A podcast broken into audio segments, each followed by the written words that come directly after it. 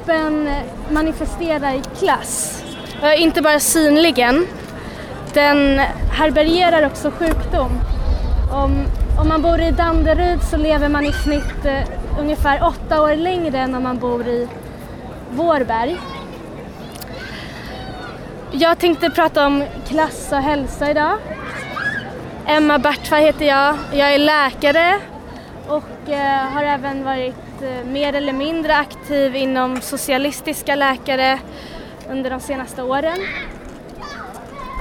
Och jag tänkte att eh, jag ska köra igenom det här och det kommer väl ta ungefär en halvtimme. Och så kan vi ta, spara alla frågor till efteråt. Om det går bra. Ja, okej. Okay.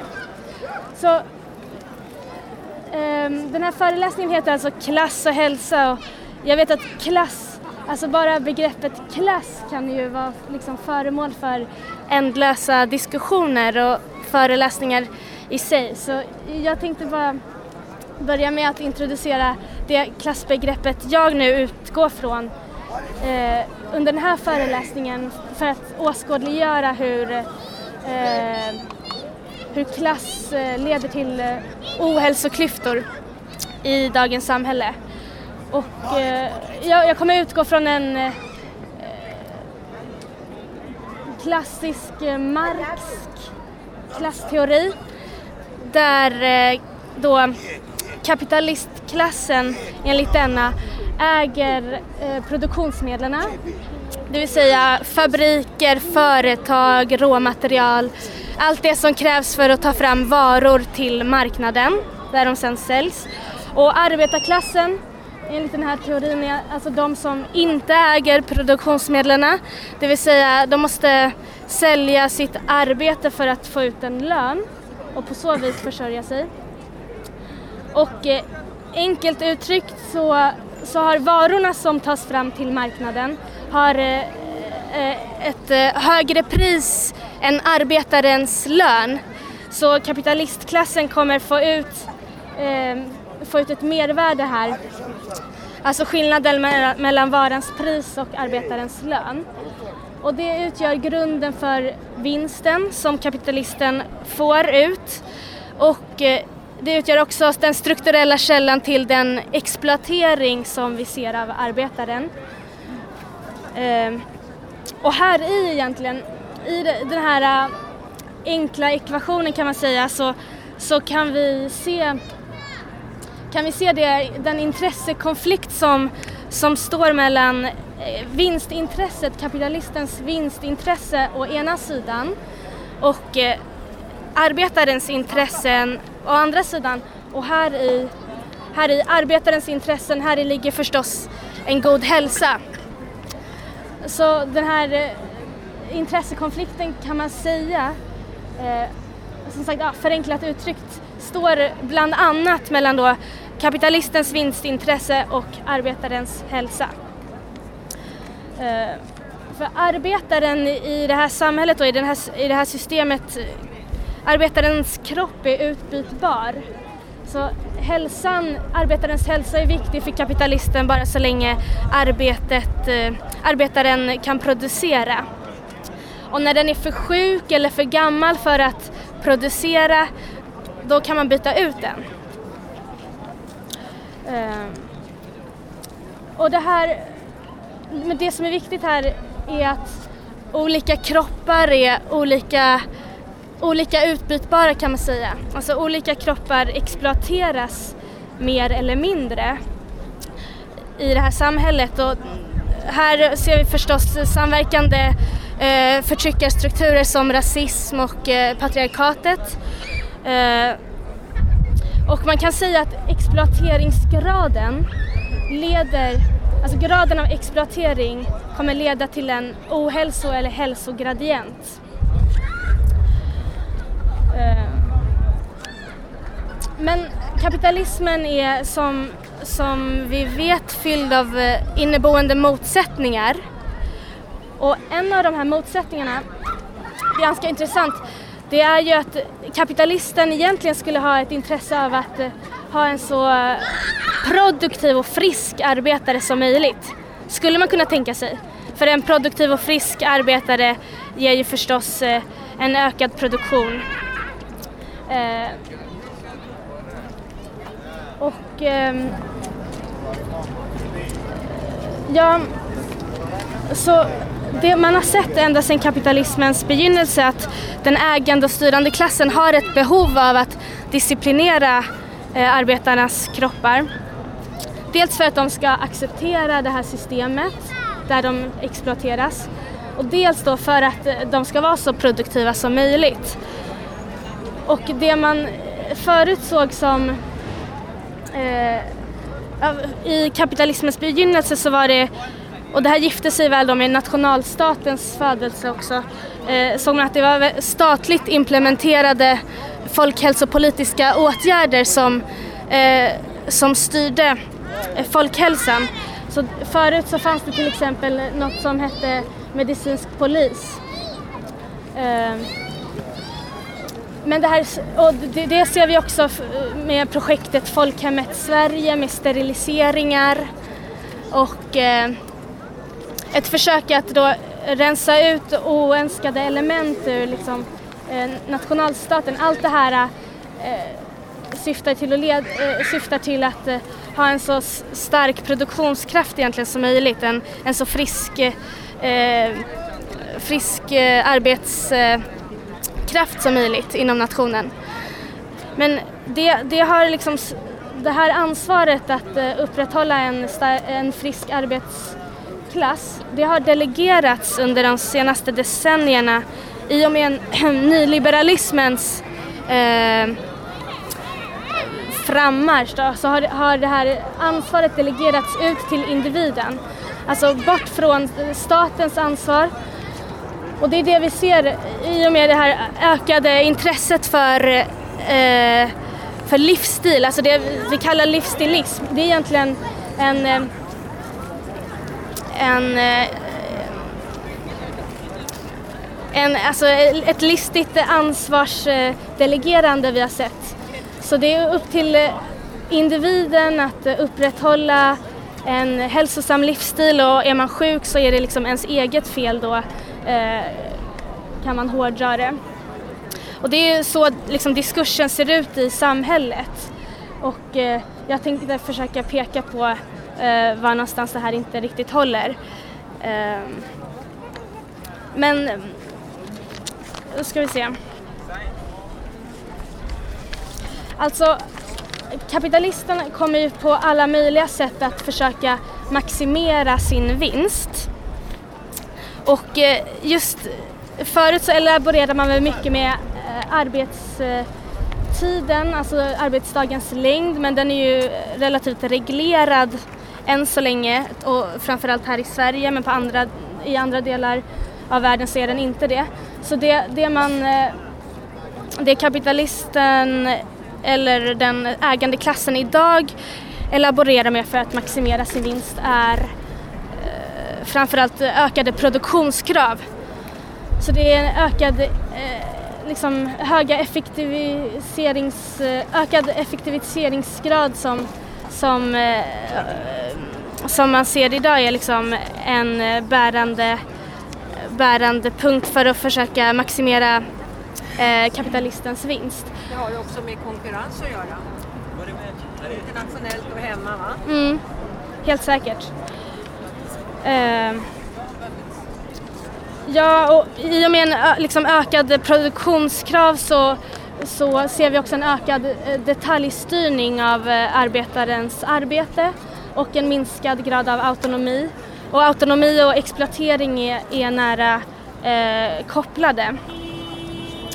Eh, hur som helst, den här eh, om vi återgår då till eh, nyliberal, nyliberalismen och den här individualismen vi ser. Eh, den, den eh, är liksom internationellt sett även vedertagen då så i eh, bland annat eh, i eh, WHO, Världshälsoorganisationens rapport från 2008 som heter On Social Determinants of Health, alltså sociala determinanter bakom hälsa där, där eh, undviks klassbegreppet genomgående. Man tar inte fram strukturer eller sociala faktorer, faktorer överhuvudtaget fastän då den ska handla om just sociala faktorer. Utan man väljer att eh, genomgående lyfta fram eh, individen, eh, individuella faktorer. Och även eh, i en svensk rapport från Socialstyrelsen 2014 om utmattningssyndrom och stress i och med att det här är ökande folkhälsoproblem vi ser. Ehm, där undviker man eh, även där sociala faktorer. Eh, däremot så ägnar man sig väldigt mycket åt eh, att lyfta fram biologiska biologiska förklaringsmodeller. Så, så det, vi ser, det vi ser är en ökad individualism men även en biologisk essentialism Eh, som gör, som gör eh, liksom ett folkhälsoproblem väldigt svårt att angripa förstås på en eh, strukturell nivå. För eh, beroende på vilken problemformulering man väljer eh, Beroende på problemformuleringen väljer man förstås vilka åtgärder som anses lämpliga. Och eh, det här spelar ju förstås den styrande och den ägande klassen eh, rakt i händerna för det är ju, alltså de kommer väldigt eh, billigt och bekvämt undan helt enkelt från allt ansvar. Och även så, ett exempel på det här är ett eh, jättestort eh, multinationellt företag med bas i Storbritannien eh, där man såg att väldigt, väldigt många arbetare där led av sömnstörningar. Eh, och eh, från företagets sida då så valde man att hyra in sömncoach eh, som skulle ge arbetarna sömnhygieniska, sömnhygieniska råd. Ni vet det här med att stänga av skärm efter klockan tio och sådär som förvisso funkar men man skulle kunna tänka sig att det var ett större problem om, om det var så stor andel av arbetarna som led av eh, sömnstörningar. Men, men det behövde man inte alls angripa på någon strukturell nivå då, utan en sömncoach eh, är väldigt billig, billigt för det här företaget att ta in. Eh, men hur förklarar man då eh, hälsoklyftor inom, inom den medicinska forskningen? Eh, alltså det finns ett forskningsfält som heter social epidemiologi som jag även sysslat med lite granna. Och eh, där finns det framförallt två teorier då som, som förklarar, som bägge erkänner att fattigdom är eh, avgörande för eh, sjuklighet även i rika länder. Eh, och jag ska väldigt kort försöka, försöka förklara de här två teorierna. Den ena det är en, en psykoso psykosocial teori och så är det en materialistisk teori. Den psykosociala teorin går ut på att, eh, att människor då, eh, jämför sig med människor i sin omgivning. Och är man fattig så um, upplever man ett stigma och en utsatthet um, som sätt, kommer sätta igång en eh, stresshormonskaskad via hjärnan, hypotalamus, hypofysen, ner till binjuren så uh, kommer kortisol som är ett stresshormon att uh, bildas. Och uh, det sätter igång en hel massa negativa ehm, negativa förlopp i kroppen som skulle eh, kunna förklara den ökade risken för eh, dels hjärt-kärlsjukdomar, inflammatoriska sjukdomar, metabola sjukdomar såsom diabetes eh, som vi ser i ökad, eh, i högre grad och hos en arbetarklass eh, med begränsade resurser. Och, och, man hävdar också då inom den här teorin att det här eh, stresshormonet kortisol skulle kunna förklara även Eh, beteendemässiga riskfaktorer såsom rökning och eh, alkohol som, som man ser i högre, högre grad eh, hos en arbetarklass. Eh, okay, det är alltså den psykosociala teorin. Sen så har vi den materialistiska teorin. Den, den hävdar att det är de rent ekonomiska materiella förhållandena som är avgörande för en sjuklighet. Eh, och det, i det då eh, inbegrips att man eh, att fattiga människor inte har råd med nyttig, eh, nyttig eh, mat, eh, man har inte råd att ta sig till eh, träningsfaciliteter, man har inte tid att träna heller och man har inte råd att ta sig till vårdinrättningar, man har inte råd med läkemedel. Så det är alltså den psykosociala eh, teorin och den eh, materialistiska teorin som bägge förklarar eh, varför fattigdom eh, spelar roll för en sjuklighet även inom rika länder. Um, och man kan förstås eh, se till att bägge, bägge teorierna eh, har, har eh, någonting att komma med. Eh, och, sen, och sen så kommer vi inte in på det riktigt här då men, men det finns förstås det finns eh, massa forskning också som, som visar på att högutbildade och höginkomsttagare har eh, mycket högre större tillgång till vård. Så att höginkomsttagare får mer avancerad, mer frekvent, dyrare vård än, än låginkomsttagare. Och det finns massa tänkbara förklaringsmodeller till det också som vi kan diskutera efter om vi vill. Eh, och sen då en annan aspekt som, som är viktig att ta upp eh, nu pratar vi egentligen om den fysiska sjukligheten men det är den ökande psykiska sjukligheten vi ser i, i dagens samhälle. Eh, och det, I och med en teknologisk eh, utveckling som vi har de senaste decennierna och eh, en ökande mobilitet av framförallt kapital så ser vi att arbetsmarknaden har förändrats de senaste 30 åren. Eh, så det, är en växande servicesektor med framförallt då osäkra anställningsvillkor som, eh, som, blir, som är ett växande fenomen. Och det är också många reformer i, i västvärlden då till, eh, inom arbetsrätten till företagens fördel eh, som vi ser eh, kopplade till en osäker arbetsmarknad. Och eh, varför det är viktigt att ta upp detta är att alltså det här är, vi är i början av en sån här utveckling och eh, forskning om det här, alltså folkhälsoforskning om detta är bara i sin linda men det man hittills har sett talar entydigt för att osäkra anställningar leder till en ökad psykisk ohälsa. Och eh, så att man kan tänka sig att det liksom är början av ett eh, växande problem och vi kommer se mer och mer eh, psykisk ohälsa.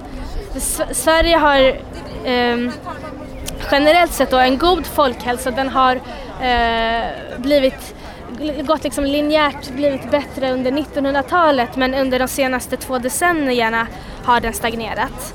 Och det härleder man just till den ökade psykiska ohälsan. Och, eh, och eh, så får man inte glömma då också att de osäkra anställningar ofta är, eh, de är könade och tillfaller i högre grad kvinnor och invandrare. Ehm, och det kan också förklara varför kvinnor då har mycket högre ohälso, eh, oh, högre, de har sämre hälsa helt enkelt än, än män kan man se i forskning.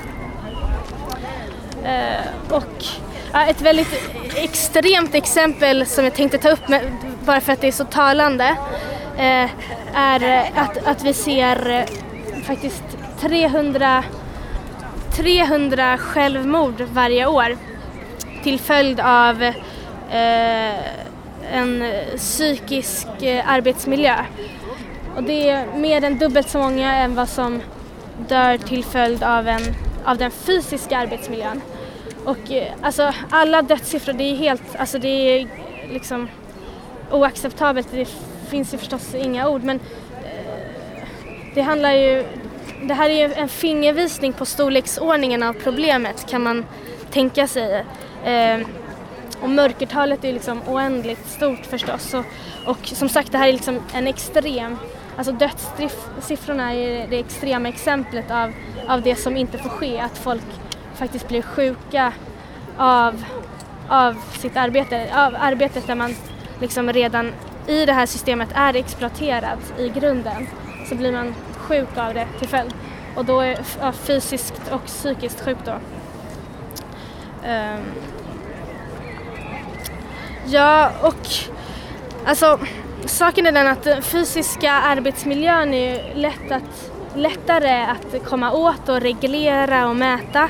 Men den, den psykiska arbetsmiljön kan liksom eh, försvinna under rad, radarn eh, förstås i och med att den är så svåråtkomlig för just för konkreta mätningar. Och därför tänker jag att det är viktigt att vi, vi som är här kanske är, ja, är medvetna om, om den här problematiken också kan, eh, kan peka på den för att eh, i och med just att, eh, att eh, diskursen som vi ser idag är så individfokuserad så tänker jag att det är väldigt viktigt att, eh, att det finns en motröst eh, mot det här. Och sen, alltså det sägs att, att nu i och med Trump och så vidare så är ni liberalismen död och eh, med den även individualismen. Och att det nu är liksom massan och ledaren som, som är det nya. Och eh, det är svårt att veta hur, hur det här kommer avspegla sig förstås på liksom en folkhälsopolitisk nivå. Men vi kommer oavsett, alltså oavsett detta tror jag att vi kommer ha de här eh, hälsoklyftorna i samhället så länge kapitalismen existerar. Eh, och sen, det är liksom, hälsoklyftorna i sig är inget eh, självändamål till att omkullkasta kapitalismen utan, utan det, det är för att vi vill ett, leva i ett samhälle där man inte exploateras. Liksom. Men, men de här hälsoklyftorna kommer med det här systemet. Eh, ja, så alltså, sammanfattningsvis så kan man säga att eh, hälsoklyftor uppstår, eh, uppstår eh, på grund av exploater en exploateringsgrad eh, eller, eller en exploateringsgradient samverkandes med materiella eh, faktorer och eh, också som man har sett i forskning graden av autonomi som en arbetare har. Ehm, så okej, okay, men det var väl eh, ungefär det jag hade säga. Jag, jag skulle kunna uh, prata mer om den psykosociala och materialistiska teorin men jag tänkte släppa in för frågor om ni hade. Eller ska jag prata vidare? Ja. Finns det några frågor? Ja, jag har en liten fråga mm. och jag tänker att jag sagt det var ett väldigt spännande, eh, väldigt spännande föredrag och jag tycker att det lyfter många intressanta eh, förändringar i liksom, förståelsen av vilka ja, ansvarsfördelningen. Mm. Men någonting som jag där funderar över eh, är just att, att eh, diskussionen om det reproduktiva arbetet och mm. familjens roll i, i, i reproduktionen av arbetskraften eh, var någonting du tog upp. Att jag tänker att mycket utifrån ett, att min, en, en omedelbar association för mig i de, i de exempel du tog upp är ju till mm. exempel den väldigt restriktiva eh, eh, politiken på funktionshinderområdet i, i Storbritannien mm. där, man just, där det just har blivit att folk och eh, att just att den på ett väldigt eh, explicit sätt, liksom så här, folk, som har, folk, får inte, folk får inte statligt stöd om de har en familj som kan förväntas ta hand om dem. Att det finns, att det just, att eh, de, att det finns en, och att det vi ser i den här, liksom, den rådande nyliberala systemet är ju också ett att i hur en, att, att eh, eh det just åter, liksom, i viss mån romantiseras. Att så åh, nu kommer det folk hit som har, som, eh, där, där det finns mer en tradition av att ta hand om varandra inom familjen och att det också, att det, att det är någonting som vi i den här individualiseringen också mm. väldigt mycket ser en förväntan om att folk ska organisera sitt liv på ett sätt som, som i ganska klassiskt marxiskt maner mm. just familjen ska reproducera arbetet. Eh, vad, vad, tänker du, hur tänker mm. du om det i relation till det du sa om att det går från statens ansvar till individens? Just det. Alltså, så är frågan jag måste bara tänka, men det var Ja. jätteintressant. Men eh, alltså så att eh, det var väl, eh, det är väl kopplat till det jag tog upp om, om, eh, om att förlägga ansvaret till individen. Och också förstås eh, ideologiskt, eh, alltså ett, eh, ett ideologiskt projekt att minimera förstås statens eh, eh, roll i samhället och förlägga det allt mer, liksom förlägga det till individen och ehm, eh, det här med att man i allt högre grad förlägger eh, liksom vad ska man säga, det, det är väl liksom en nedskärning av välfärdsstrukturer generellt.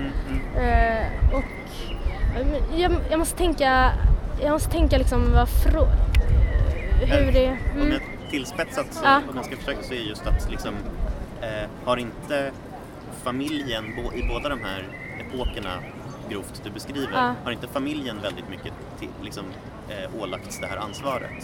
Eh, och liksom, det reproduktiva det repro- eller? ja, det, Ja. precis, Mm. reproduktionen av arbetskraftens hälsa. Ja, precis. Det har den ju, absolut. Och jag tänker att eh, det är någonting som, som brukar lyftas upp till, Eh, eller som, eh, som bidragande orsak till kvinnors sämre psykiska hälsa. Absolut, jag kunde ha nämnt det mycket väl. Att eh, man har ett, eh, ju ett obetalt arbete hemma med just det reproduktiva arbetet som tillfaller många kvinnor. Och eh, eh sen så är det förstås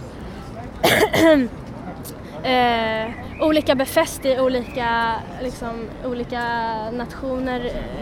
Och, men, men vi går ju definitivt mot en sån alltså, utveckling i Sverige i och med nedmonteringen av välfärden.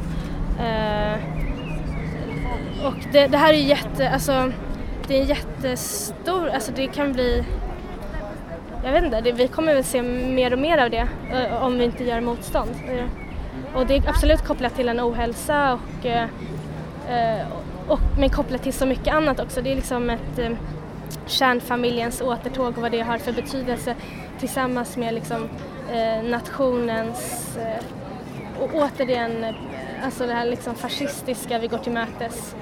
Eh, så alltså implikationerna är bara jättestora. Så, ja. men, det, men så det är läskigt så det gäller ju att göra motstånd antar jag nu. Eh, Ja, tack för svar. Ehm, ja, jag tänker... Eh, alltså, det man också sett som jag inte tog upp för att det, eh, det tycker jag är, så, det är jättesvårt att angripa är liksom, i och med den här då teknolo, teknologiska utvecklingen som jag pratade om och en ökande liksom, informationstäthet i samhället. Man har sett att just informationstäthet också då, typ, eh, kan medverka i, till växande psykisk ohälsa vi har. Och det har jag inte liksom riktigt eh, lyckats Eh, få till något klassperspektiv på en Men, eh, men det, är, det är i alla fall också en delförklaring till eh, den växande psykiska ohälsan. Sen ja, återstår det för någon att skriva någon bra marxistisk eh, teori kring det här. Men, eh, ja. Och sen, men eh, alltså jag försökte egentligen, det jag försöker göra är liksom att eh, ge, ge en bakgrund till varför man då i Danderyd lever sju, år, sju- åtta år längre än i, eh, i Vårberg. Så jag vet inte om ni tycker att, tycker ni att det har liksom kommit fram? Eller kan man... Väldigt bra. Ah, vad kul. Ja. Eh. Mm. Jag vet inte. Tack. Ja, tack.